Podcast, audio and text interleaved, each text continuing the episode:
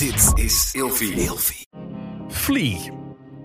Welkom bij Movie Alert. De geanimeerde documentaire Flea vertelt het waargebeurde verhaal van Amin Nawabi, die als alleenstaande minderjarige van Afghanistan naar Denemarken vluchtte. Hij is nu 36 jaar, een succesvol academicus en wil gaan trouwen met zijn langdurige vriend Casper. Maar hij weet dat hij nog het een en ander moet loslaten voordat hij die stap kan maken. En daar is hij nu eindelijk klaar voor. Hij doet voor het eerst zijn buitengewone verhaal bij goede vriend en documentairemaker Johas Poher Rasmussen.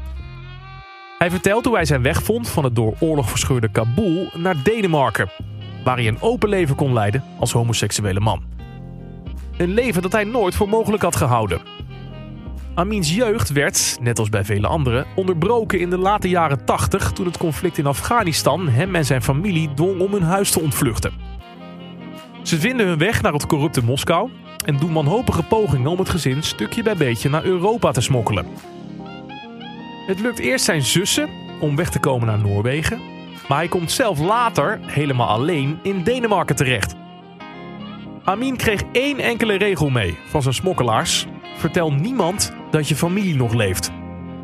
Een regel die hij 25 jaar lang heeft nageleefd. Tot nu.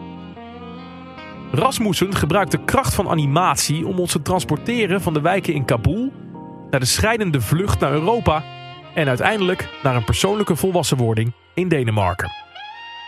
De animatie, de vertelling en de muziek komen allemaal samen tot een therapeutische ervaring.